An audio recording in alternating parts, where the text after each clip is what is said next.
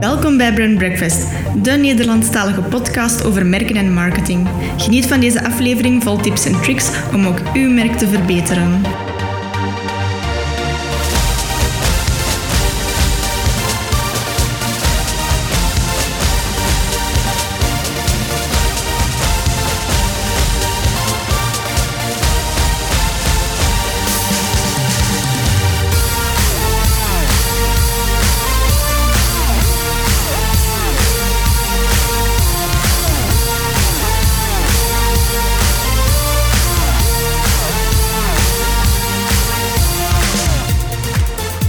Goedemorgen, beste luisteraars. Welkom opnieuw bij een nieuwe aflevering van Brand Breakfast. Ik ben vandaag in zeer goed gezelschap, uh, weliswaar vanuit onze eigen huiskamers natuurlijk, want wij dienen de social distancing maatregelen uh, op te volgen en wij doen dat ook braaf. Maar niet tegenstaan worden wij vandaag voor deze aflevering vervoegd door Tom de Wachter. Tom is uh, CEO van de firma In Silencio. Het is een bedrijf in Mechelen met een dertigtal experts uh, die gespecialiseerd zijn in alles wat employer branding en employer marketing is. Tom is daarnaast sinds een klein jaar ook co-founder van een tweede firma, uh, genaamd Pink Piñata. Uh, dat is een bedrijf dat zich bezighoudt met de productie van video's, de organisatie van evenementen en de creatie van experiences in het kader van employer branding. En dan is het natuurlijk ook nog fijn om mee te geven dat uh, Tom ook een zeer begenadigd keynote spreker is. je kan hem regelmatig terugvinden op congressen en spreeksessies rond het topic employer branding. En hij zal wellicht ook bij wat studenten gekend zijn, want Tom is ook al een aantal jaren gastdocent, onder meer bij Thomas More, KU Leuven en de Karel de Grote Hogeschool. Welkom Tom. Dankjewel. Ja, Tom, het blijkt natuurlijk duidelijk uit jouw cv dat je een uh, zeer sterke fascinatie hebt voor alles wat employer marketing of employer branding is. Kan je misschien inleidend even duiden uh, aan onze luisteraars en kijkers wat dat precies is, waar je daar juist onder verstaat en waarom dat precies zo belangrijk is voor een merk? Oké, Um, ik zal misschien even inpikken op die fascinatie ook. Uh, want ik ben eigenlijk een, een, een, een marketeer van opleiding. Um, ik, uh, ik ben twintig jaar geleden op de arbeidsmarkt gekomen. En toen was eigenlijk mijn eerste idee van ik wil ook producten en diensten in de markt gaan zetten met mijn marketing skills. Mm -hmm. Maar door een um, toeval ben ik ooit bij vacature terechtgekomen. Om daar dan... Uh, uh, oplossingen, employer branding oplossingen te gaan verkopen, digitale employer branding oplossingen te gaan verkopen aan, aan bedrijven en HR managers. Mm -hmm. En ik merkte toen heel sterk dat um, heel veel bedrijven totaal niet wisten welk verhaal ze over zichzelf konden vertellen als het ging over wie zijn wij als werkgever.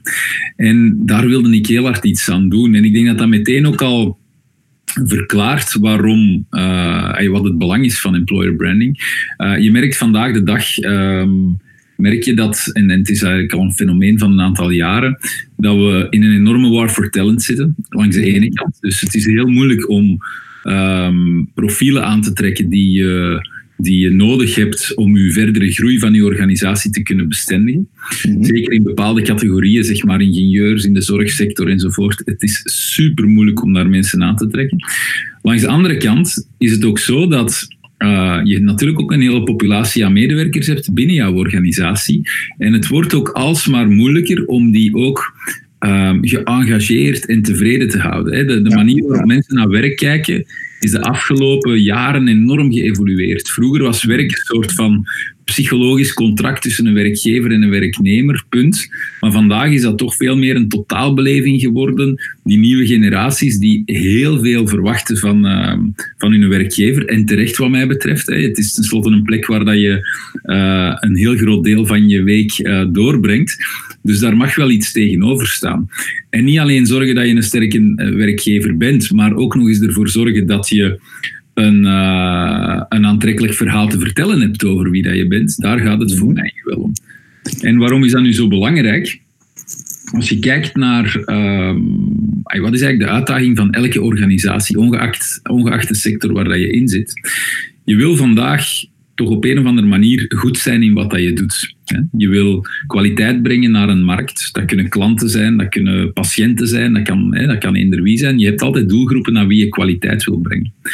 En dan kan je zeggen, we hebben goede producten, dus dat verkoopt zichzelf. Maar we weten ook hoe langer hoe meer dat goede producten zichzelf niet meer verkopen. Je hebt ook heel goede mensen nodig achter goede producten, die met heel veel passie en enthousiasme en ambassadeurschap en, en zin voor overtuigingskracht uh, iets naar een markt willen brengen. Met een enorme servicegerichtheid en klantgerichtheid. Dus vandaar dat ik denk dat employer branding niet zomaar een soort van uh, schijnmanoeuvre in de marge is van ah ja, we moeten een leuke slogan hebben over wie we zijn als werkgever. Ja, ja. Dat dat, maar dat dat vooral iets is dat je zou moeten meenemen naar de boardroom in een organisatie. En dat zou een strategisch thema moeten zijn in elk bedrijf, omdat het een enorme hefboom is naar het duurzame succes van jouw organisatie of bedrijf. Ja, ik hoor jou eigenlijk zeggen, Tom, hè, uw, mensen zijn eigenlijk een stuk uw DNA. Hè. Het gaat eigenlijk een stuk bepalen wie je bent als, als bedrijf of als merk. Um, nu, ik hoor je tegelijkertijd ook zeggen, brengt mij naadloos misschien op een volgende vraag. Je zegt van ja, die war for talent en die kandidaten die toch ook al wat kritischer worden. Medewerkers zijn zich ook veel meer bewust van het aanbod dat er is, kunnen ook makkelijker shiften. Je ziet daar inderdaad een trend in. Um, is het realistisch als bedrijf om te verwachten dat je iemand echt kan binden aan merk of aan uw, aan uw verhaal. Ehm, is, is, dat, is dat mogelijk of moet je ervan uitgaan, maar goed, een, een medewerker heeft een bepaalde levensduur te gaan. Uh, en we moeten vooral inzetten om, om de juiste talenten uh, blijvend bij ons te trekken en uh, daar zoveel mogelijk te kunnen uithalen. -hmm. um,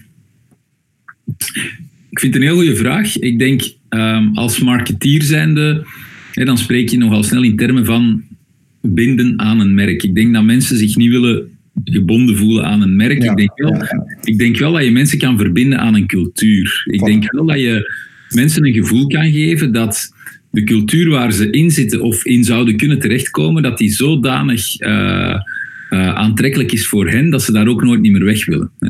Mm -hmm. tegelijkertijd vind ik wel dat, we, dat geen enkele werkgever de pretentie mag hebben om te denken dat zo een, een uh, verbindenis levenslang hoeft te zijn. Mm -hmm. elke, ik vind als je als werkgever uh, de mindset kunt opbrengen om te zeggen, kijk, iedereen die hier binnenkomt, heeft het recht om hier vroeg of laat ook weer te vertrekken. Meer nog, uh, zal hier vroeg of laat ook vertrekken.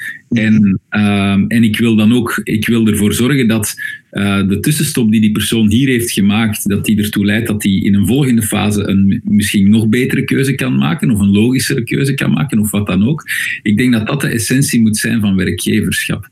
Dus, en of dat die tussenstop dan twee, drie, twee jaar, drie jaar, vijf jaar, tien jaar duurt, dat maakt mij minder uit. En in die jaren moet je er in de beide richtingen alles uithalen. Hè. Uh, De werknemer, de medewerker zou moeten kunnen genieten van de cultuur waar hij of zij in zit, ten volle.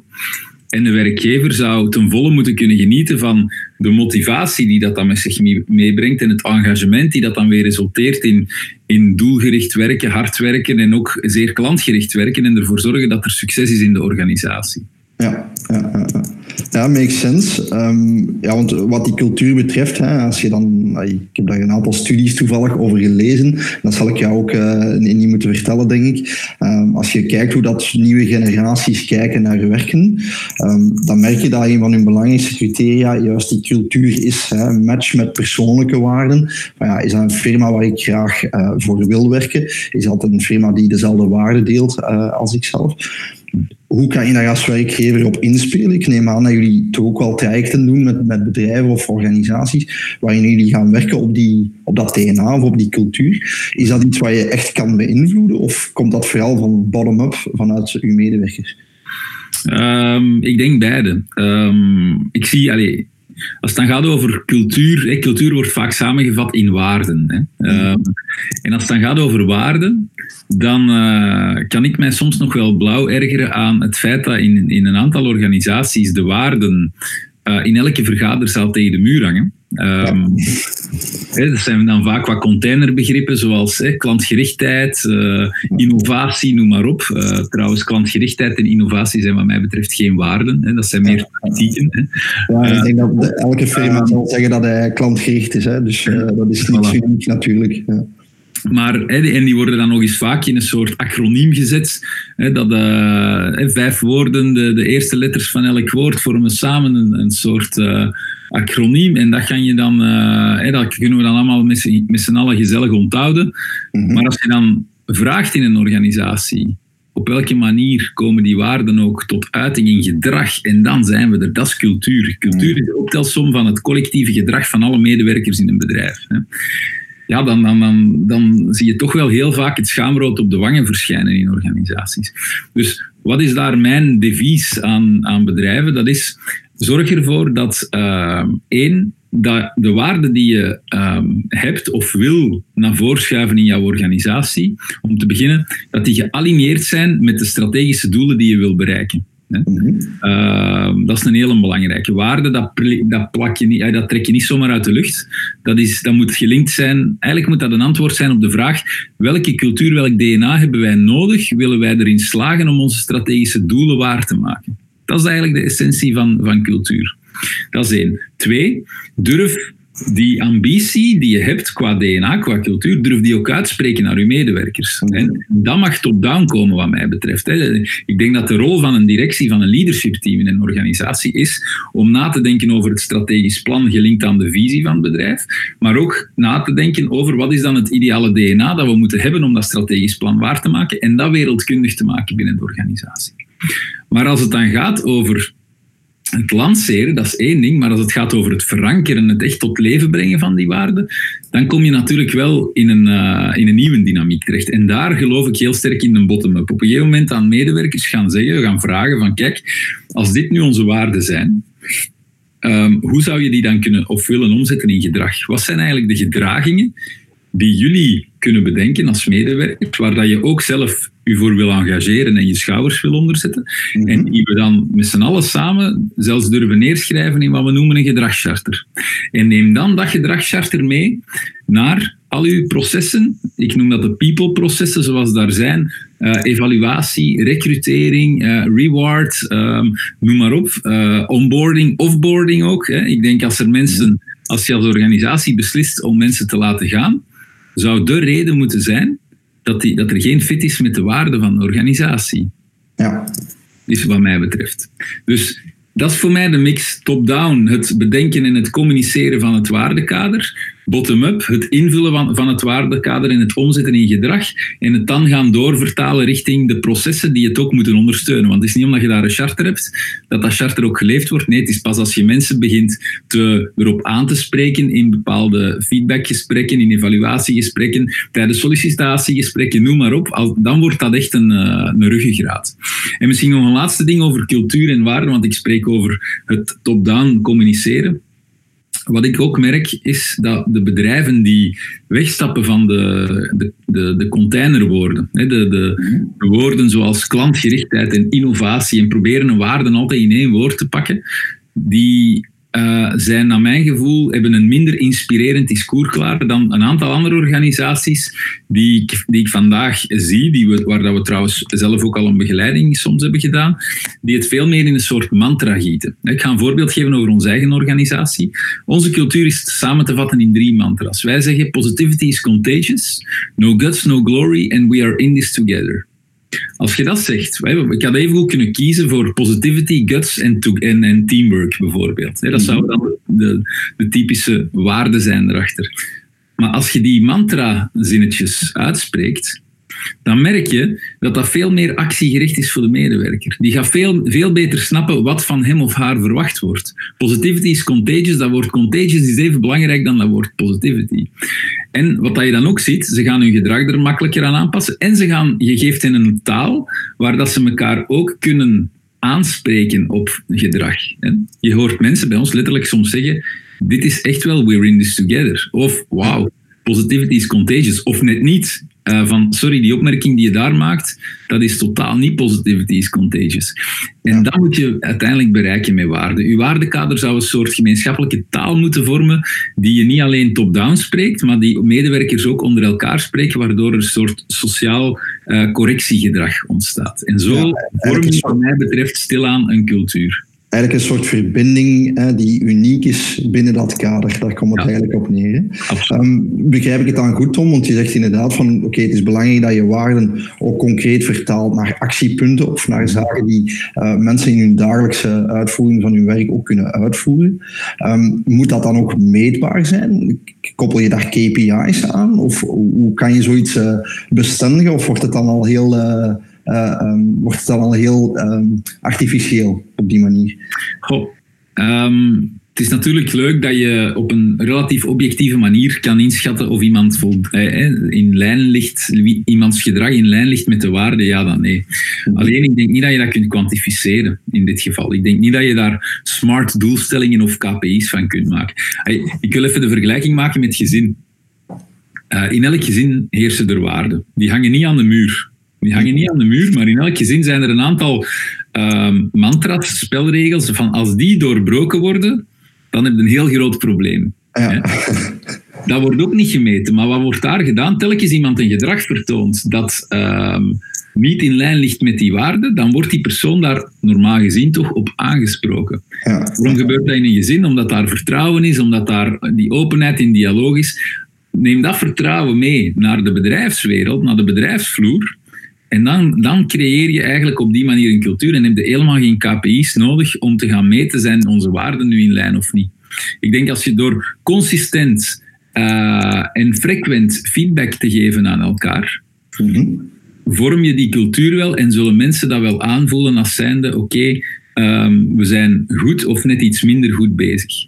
Wat dat wij zelf wel doen, is we doen elke vier maanden doen wij een interne bevraging naar um, alle aspecten die te maken hebben met, uh, met wie we zijn als werkgever, met onze employee value proposition, zeg maar, waaronder ook onze waarden. En uh, die vraag wordt ook altijd gesteld: in welke mate wordt, zie jij de waarden, heb jij de waarden in de afgelopen periode uh, voldoende tot leven zien komen? In welke mate worden we beter en beter in het naleven van die waarden? En de resultaten dat daar natuurlijk uitkomen, maar dat is dan terug een perceptiemeting van medewerkers, ja, die, die geven natuurlijk wel een stukje inzicht in is uw cultuur zich aan het vormen of is die zich, zich net niet aan het vormen? Ja, zeer interessant. Um, misschien aansluitend, want je spreekt hier inderdaad over, over waarden. En jullie organisatie, bijvoorbeeld, jullie zijn met een dertigtal mensen. De klanten waar jullie voor werken zijn vaak uh, grotere organisaties of bedrijven of overheden. Um, hoe zit dat voor, voor een kleine firma of een KMO? Uh, want ik kan mij voorstellen dat is de dynamiek natuurlijk iets compacter. Hè. Je zit daar, uh, ja, de communicatielijnen zijn veel korter. Hè. Als je met twee bazen en twee medewerkers zit, zoals bij ons het geval bij Pavlov, um, zit je met, met heel korte communicatielijnen. Is het eigenlijk een klein gezinnetje dat je gaat, gaat vormen. Um, is, is het daar hetzelfde principe dat je moet hanteren rond, uh, rond communicatie, rond je waarden? Um, en zo ja, wat zijn, wat zijn zaken die een klein bedrijf kan doen rond employer brand? Um, als het dan gaat over. het zijn twee, dingen, twee vragen die ik hoor. Mm um, wat zouden kleine organisaties kunnen doen ten opzichte van grote als het gaat over communicatie en tot leven brengen van waarde? En anderzijds employer branding. Voor mij is het niet één op één hetzelfde. Het een is een onderdeel van het ander. Hè. Um, dus ik zal ze alle twee beantwoorden. Het eerste. Als het gaat over het communiceren of tot leven brengen van waarde, want communiceren is maar een onderdeel, vind ik persoonlijk. Um, ik denk dat kleine bedrijven, kleine organisaties een enorm voordeel hebben. Namelijk, in een kleine organisatie kun je letterlijk heel je organisatie samenbrengen in één kamer. Niet één keer, maar als het moet, honderd keer, hè, bij wijze van spreken. En je kan hen continu blijven aanspreken op dingen, beïnvloeden, inspireren, wat dan ook. Hè. Ja, de, persoonlijke band, de persoonlijke band is ook... Uh is ook groter meestal. Hè? Ja. Absoluut. Hè. De persoonlijke band is ook veel groter. Hè. De lijnen hè, tot, tot uh, de zaakvoerder zijn uh, veel korter en noem maar op. Nu, in grote organisaties heb je dat voordeel niet, maar langs de andere kant, in grote organisaties, voor mij, ik, ik maak geen onderscheid tussen kleine en grote organisaties. Waarom? Voor mij is een, groot, een grote organisatie eigenlijk een optelsom van kleine teams. Mm -hmm. laat ons zeggen dat, dat en, en, daar is ook heel veel onderzoek naar gedaan, maar zo het ideale team, dat zit, die zit iets rond de 15 à 20 personen dat is een ideale span of control, waarbinnen je een soort ehm, team, een echt teamgevoel kunt creëren, zeg maar. Wat is dan een grote organisatie? Dat is gewoon een optelsom van allemaal groepen van 15 tot 20 personen. En dat kan je, die optelsom kan je tot in het oneindige doortrekken als je dat wil. En eigenlijk is de bedoeling om elk team dan volgens datzelfde DNA te laten fungeren. Dus wat is dan het, het voordeel dat kleine organisaties hebben? Je hebt zomaar één team te managen en niet tientallen of honderden van die teams. Um, nu, is het daarom dan per definitie makkelijker om een cultuur te bouwen en waarde tot leven te brengen? Nee, want ik denk dat daar ook iets in de weg zit. Vaak. Uh, eigenlijk, cultuur tot leven brengen komt terug op symboliek. En een hele belangrijke daarin is, je, je komt vroeg of laat kom je tegen dat uh, iemand of een aantal mensen in je organisatie niet stroken met het, de cultuur of het DNA dat jij wil. Ja. En dan sta je voor een keuze. Laat ons nu even zeggen dat die mensen daar meermaals op zijn aangesproken geweest, maar dan sta je voor een keuze. Dan moet je kiezen, gaan we die mensen laten gaan onder het mom? Kijk, geen fit met het DNA ik maak de keuze in jouw plaats en het stopt hier. Wat natuurlijk nog niet zo ingebed is in onze, in onze Vlaamse cultuur of onze Belgische cultuur, zeg maar. Hè. Je moet vandaag al, wil je, wil je uh, bij wijze van spreken te horen krijgen van je werkgever dat het hier eindigt, dan moeten bij wijze van spreken al een grote fout hebben gemaakt uh, die aantoonbaar is. En om dat dan terug te brengen op iets vloe als je past niet in onze cultuur, ja, dat, is, dat is nog niet echt ingeburgerd. Maar dat is wel hetgeen dat zou moeten gebeuren. Bedrijven zouden niet alleen moeten aanwerven voor attituden en cultuurfits, maar ook moeten durven uh, ontslagen omwille van een gebrek aan uh, cultuurfit.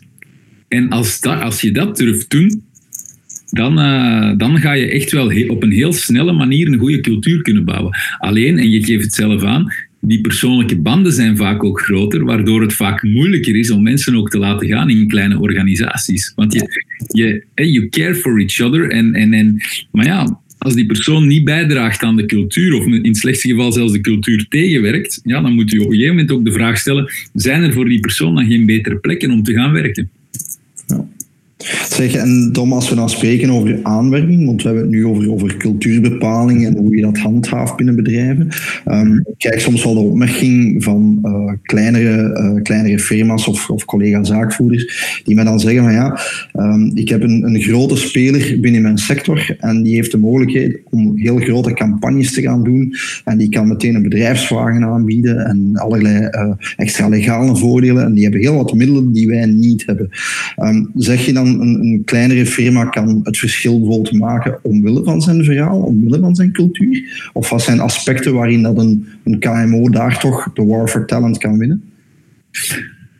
Um, ik denk, ik denk twee. Allez, als je, als je de war for talent uh, niet wint of als je er niet in slaagt om goede kandidaten aan boord te krijgen, omdat jij toevallig degene bent die iets minder betaalt dan, uh, dan andere grotere spelers in de markt of geen bedrijfswagen aanbiedt, dan, dan is er waarschijnlijk wel iets mis met jouw werkgeversidentiteit. Ja, ja, ja.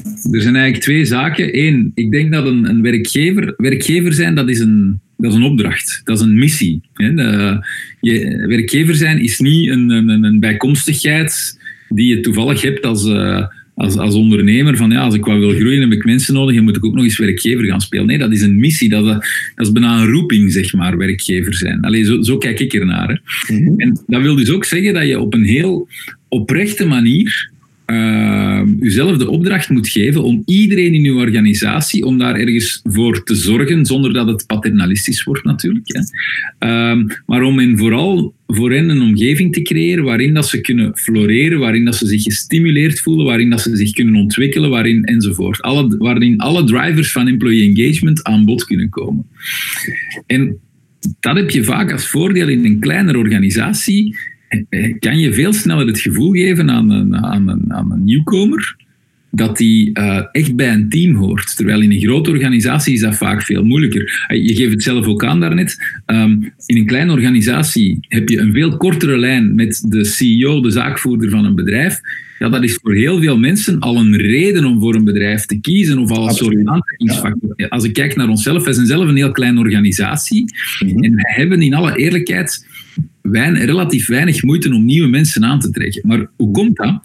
Omdat wij natuurlijk ook ervoor kiezen om op een heel menselijke manier in dialoog te gaan met kandidaten. Wij, wij zetten ons neer via door gastcolleges te gaan geven, lezingen te, te gaan geven. Wij gaan naar universiteiten, naar scholen, noem maar op. Daar gaan we dan jonge mensen um, ik ga zeggen, warm maken uh, en een stukje verliefd laten worden op onze organisatie en onze cultuur. Hè. -hmm. um, ik speel daar zelf ook nog een hele belangrijke rol in, dus ik kies er ook voor om mezelf als een gezicht te laten zien, omdat je ook merkt dat dat, dat, dat werkt. Ook als je mensen rechtstreeks gaat benaderen, ja, wij doen dat, hè, wij gaan eerst zelf gesprekken voeren, of ik zelf ga vaak gesprekken voeren per telefoon en noem maar op, in plaats van gewoon een recruiter te laten bellen dat geeft toch een heel ander gevoel aan zo'n nieuwkomer, aan zo'n kandidaat. Tuurlijk, dus, ze, hebben, ze hebben niet het gevoel dat ze een van de velen, van de zoveel zijn die komen solliciteren. Ja, voilà. En al, omdat je vraag was van ja, hey, meer budget voor grotere campagnes enzovoort. Als je uh, eigenlijk zou in een ideale wereld mag employer branding geen euro kosten, out of pocket. Ja. Dat is ook eh, een beetje ons standpunt naar branding in het algemeen. Hè. Een merk zou eigenlijk uh, op zichzelf moeten kunnen staan. En uh, de juiste ambassadeurs aan zich moeten kunnen trekken, zodanig dat de word of mouth vanzelf een stuk verspreidt. Voilà. Als je, als, je, als je merkt dat je pas resultaat hebt als je veel budget steekt in paid media, in gekochte campagnes, zeg maar, uh, dan, moet u, dan moet u eigenlijk eens voor de spiegel gaan staan en eens kijken van heb ik hier wel een werkgeversidentiteit vast mhm. die, de, die de moeite waard is om verkondigd te worden. Hè? Uh, als mensen niet over jou praten als werkgever, dan is er waarschijnlijk iets mis met jou als werkgever.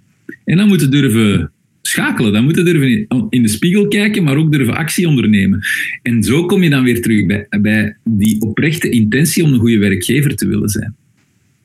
Dus ik denk veel, ik, ken zelf ook veel ondernemers, uh, zaakvoerders van kleinere, maar ook van grotere organisaties. En ik merk toch heel sterk een, uh, ik zie toch heel sterk een scheidingslijn tussen de zaakvoerders die de oprechte intentie hebben om een goede werkgever te willen zijn hmm. in al zijn facetten die hebben per definitie ook een sterk employer brand. Die zijn daarom niet, pas op, die zijn daarom niet bekend bij heel de arbeidsmarkt, maar dat hoeft ook niet. Die, die hoeven maar bekend te zijn bij een deel van de arbeidsmarkt. En anderzijds de werkgevers die die dat eigenlijk meer als een soort last... Uh, dat zijn dan typisch zo de, de ondernemers die, heel, die zelf heel goed en klantgericht zijn met dat businessidee en noem maar op. Maar van zodra dat je een heel team moet meekrijgen, daar net iets minder goed in worden. Ja, dat zijn dan ook vaak degenen die door de mand vallen als het gaat over hun werkgeversidentiteit. Ja. Oké. Okay. Uh, Tom, dus misschien uh, een inhakertje op, op wat we op dit moment uh, meemaken, actueel gezien. we zitten natuurlijk met de coronacrisis op dit moment. Hè. Je merkt dat dat wel heel wat vergt, ook in de manier waarop we aan het werken zijn. Hè. dat vergt ook veel van werkgevers om de band met hun werknemers kort te houden en, mee te betrekken in hun verhaal. Um, op welke manier denk je dat dat de toekomst bepaald heeft van het werken? Ik bedoel daarmee van gaan werkgevers die op termijn meer inzetten op remote werking, eh, op, uh, op zelfstandige teams, dat soort zaken, gaan die uh, een, een concurrentieel voordeel hebben, denk je, ten opzichte van anderen? of zeg, zeg je van ja, ik denk dat we na deze crisis terug naar business as usual gaan?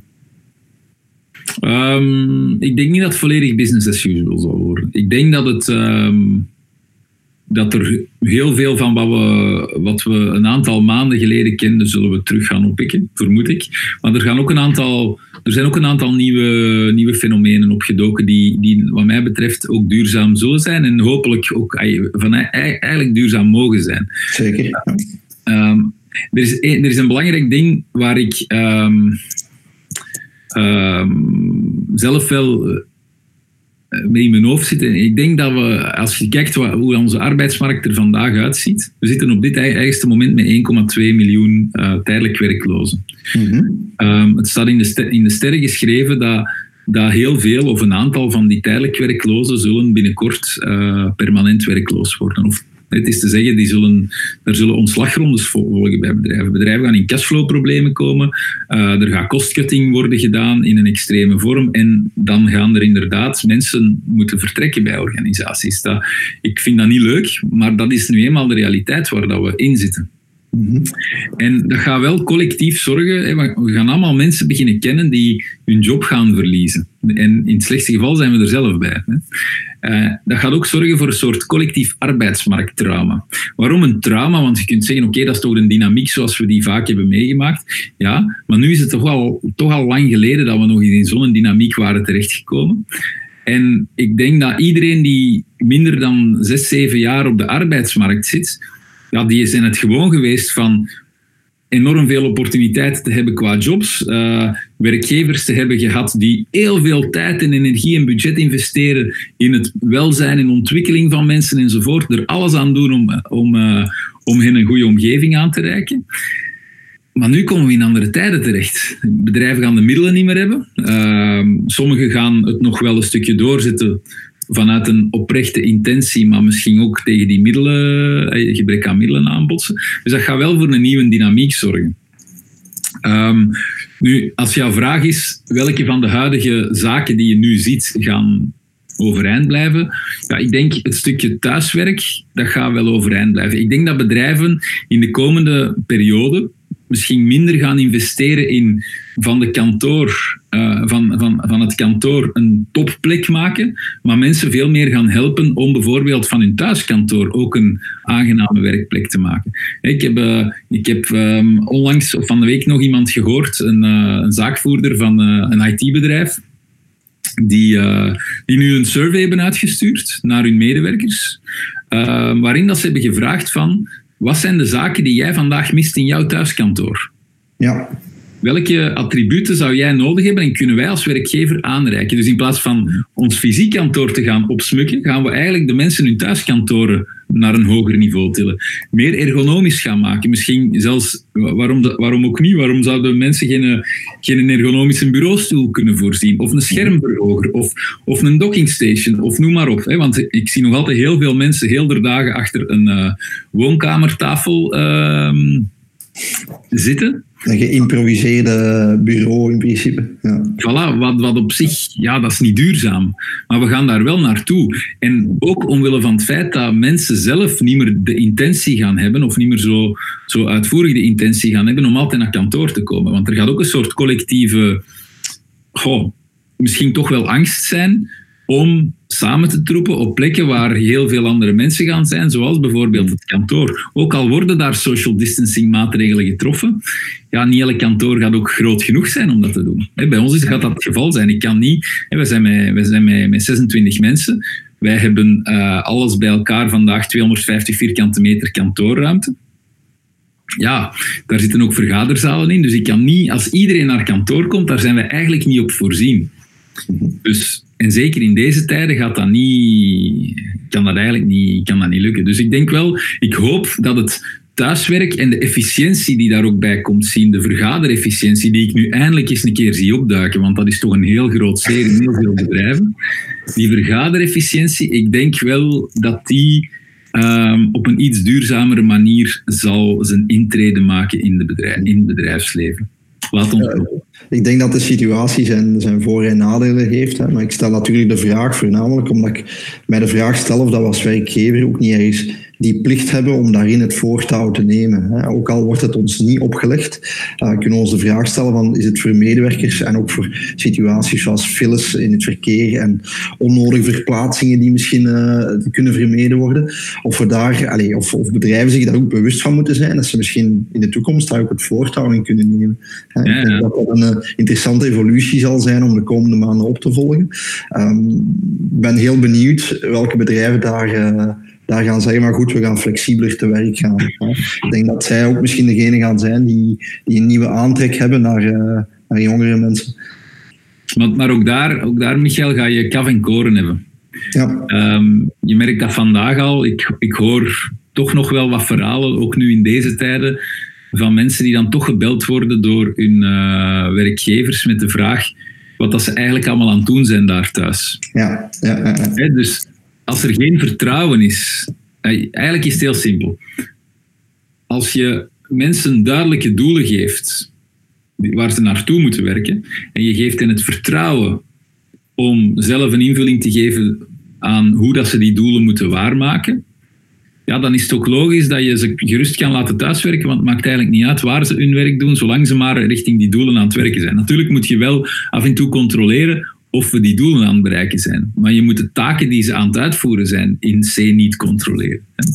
Ehm, maar je hebt nog altijd heel veel bedrijven die, en bedrijfsleiders ook, die, ja, die, die, het moeilijk kunnen opbrengen om dat vertrouwen echt ten volle te geven. En het knelt al heel vaak bij het uitspreken van de, de concrete doelen die ze moeten bereiken. Dus, dus misschien daar, misschien is het ook wel een oproep aan, aan alle bedrijfsleiders om deze periode ook nog eens goed, uh, goed te, te, ter harte te nemen om, om eens goed na te denken welke doelen wil ik nu eigenlijk uitgesproken hebben binnen mijn organisatie. En zodanig dat ik de medewerkers ergens een kader geef, een speelveld geef, waarbinnen zij zelf mogen kiezen waar ze lopen. En of dat, dat dan thuis is op of op kantoor is, dat maakt mij minder uit. Maar ze moeten, ik wil wel af en toe weten in hoeverre zijn ze hun doelen aan het bereiken. Ja, dat, klopt helemaal, Tom. Ik denk, het is het resultaat dat telt en niet de tijd dat je op kantoor zit. Hè. Ik denk dat dat een, een mindshift is die in sommige bedrijven nog moet gebeuren. Uh, maar dat wat denk ik nu een beetje artificieel, omwille van de crisis, wel wat meer naartoe aan het gaan zijn. Klopt. Oké, heel interessant, Tom. Misschien afsluitend. Ik heb uh, altijd een vraagje klaar die ik aan, uh, aan iedere interviewee stel. in jouw geval ga ik het wat meer specifiek stellen in kader van het interne verhaal, het employer branding verhaal. Maar we stellen graag de vraag: wat is jouw favoriete merk? Of wat vind jij een, een brand waarvan je zegt van wauw, daar val ik echt van, van mijn stoel? Uh, in jouw geval kan dat uh, misschien eerder gefocust zijn op het stuk employer branding. Waar zeg jij, van welk bedrijf zeg je van goed, die hebben een heel sterk werkgeversmerk? Mm Um, goh, nou, op zo'n momenten is het dan logisch dat ik zou zeggen uh, Torfs eh, of, ja. of, of Groep, omdat die dan typisch in de lijstjes terechtkomen van uh, de beste werkgevers. Maar uh, zeker een Torfs ken ik eigenlijk niet goed genoeg van binnen om te weten. Ik weet dat ze wel een zekere aantrekkingskracht hebben. Maar om dan exact te weten wat hen dan in, van binnen zo sterk maakt, uh, ik, ik, ik, kan daar wel iets over zeggen, maar ik ken het niet goed genoeg. Um, goh. Ik vind een. Uh, ik vind een. Uh, mag, ik er, mag ik een beetje een joker inzetten en niet één ja. noemen, maar, maar, maar, maar, toch, maar toch zeggen welke type bedrijven waar ik enorm naar opkijk? Zeker en wat, ja. Welke criteria zijn daarin uh, van belang, denk je? Ja, kijk, voor mij de bedrijven die, die, die erin slagen. Ik heb enorm veel respect voor de organisaties waar dat je. En zo, zo kennen we er natuurlijk een aantal van dichtbij, vanuit uh, de services die we aanbieden en de, de, dingen die we doen. Waar dat je, als je die, die bedrijven, die organisaties vijf jaar geleden zou nemen en nu zou nemen, dat die een enorme evolutie hebben doorgemaakt. Een evolutie ook vanuit een oprechte intentie om een betere werkgever te willen zijn. En dan merk je dat die evolutie, die vertaalt zich dan op een gegeven moment wel in een soort ambassadeurschap, waardoor dat je toch een sterker merk wordt. Dus ik wil eigenlijk, ik, ik, ik, ik uh, loop warmer voor de bedrijven die misschien minder bekend zijn bij het grote publiek, maar wel een heel goede werkgeversidentiteit hebben van, vanuit een zeer goede werkgeversinborst van vaak de zaakvoerder en de leiders in de organisatie, noem maar op, dan voor dan de hele grote merken die, die iedereen kent en dan maar goede werkgevers zouden moeten zijn. Nu, waar ik mee trouwens niet gezegd wil hebben dat dat bij een Torfs niet zo zou zijn, want ja. Torfs wel degelijk die goede inborst heeft, voor alle duidelijkheid. Um, maar uh, ja, ik, ik, ik, kijk eigenlijk enorm op naar die veel kleinere organisaties die uh, jij en ik niet altijd kennen, maar die er wel in slagen om, om zowel voor hun medewerkers het verschil te maken als voor de kandidaten die, daar, uh, die daarbij komen. Um, en ja, ik, ik ken er zo wel. Ik, ik kan hier nu een aantal namen noemen die, die, die jij waarschijnlijk niet kent, maar waar ik van weet, ja, die doen echt wel super hard hun best om een hele goede werkgever te willen zijn. Die liggen dag en nacht wakker van waar kunnen we nog beter worden als werkgever. En trouwens, dat is trouwens ook mijn persoonlijke kwestie. Ik, als er iets is waar ik van wakker lig, ik lig zelden wakker van... Uh, van wat kan ik nog meer betekenen voor mijn klanten. Dat klinkt misschien wel raar, maar ik lig, als ik ergens van wakker lig, is het heel vaak wat kan ik nog meer betekenen voor, voor mijn medewerkers.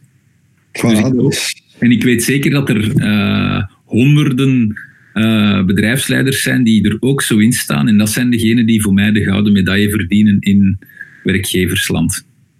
Voilà, ik denk een, uh, zeer duidelijke boodschap en een inspirerende les voor ons als, uh, als werkgevers, uh, Tom. Ehm, ik denk dat je absoluut daar een punt in hebt. Hè. Misschien dat veel werkgevers dat ze een beetje te veel omgekeerd bekijken, te veel met hun spreadsheets en met cijfers bezig zijn en te veel bezig zijn met omzet draaien. Maar soms ook wat meer aan introspectie moeten doen. en eens moeten nadenken hoe kunnen wij niet alleen ons merk naar werkgevers, maar ook de omstandigheden naar werknemers toe gaan verbeteren. Mhm.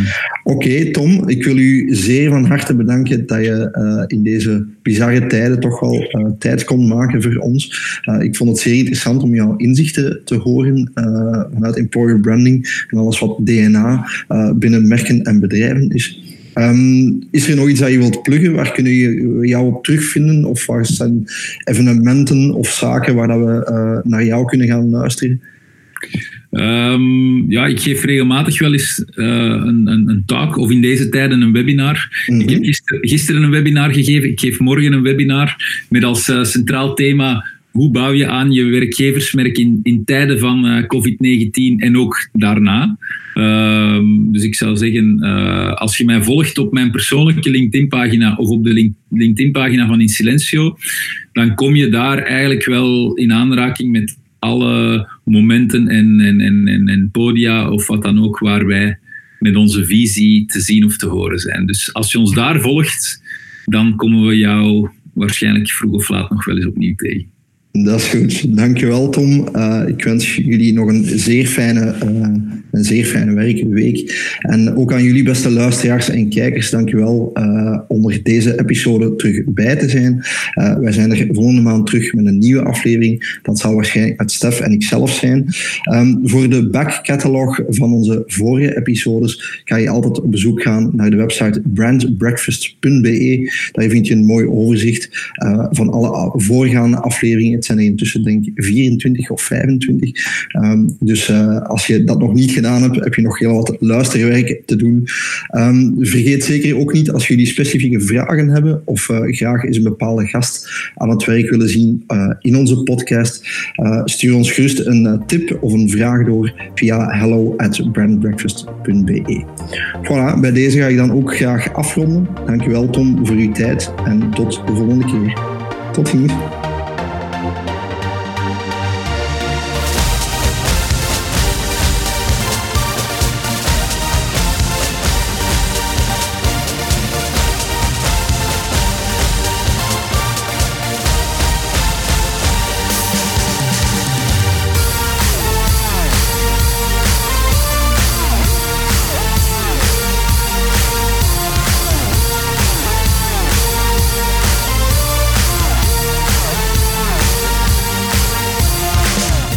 Brand Breakfast voor deze aflevering. Dank voor het luisteren. Vragen over uw eigen merk? Surf naar pavlov.be en start vandaag nog met het optimaliseren van uw merkstrategie, merkidentiteit of merkbeleving.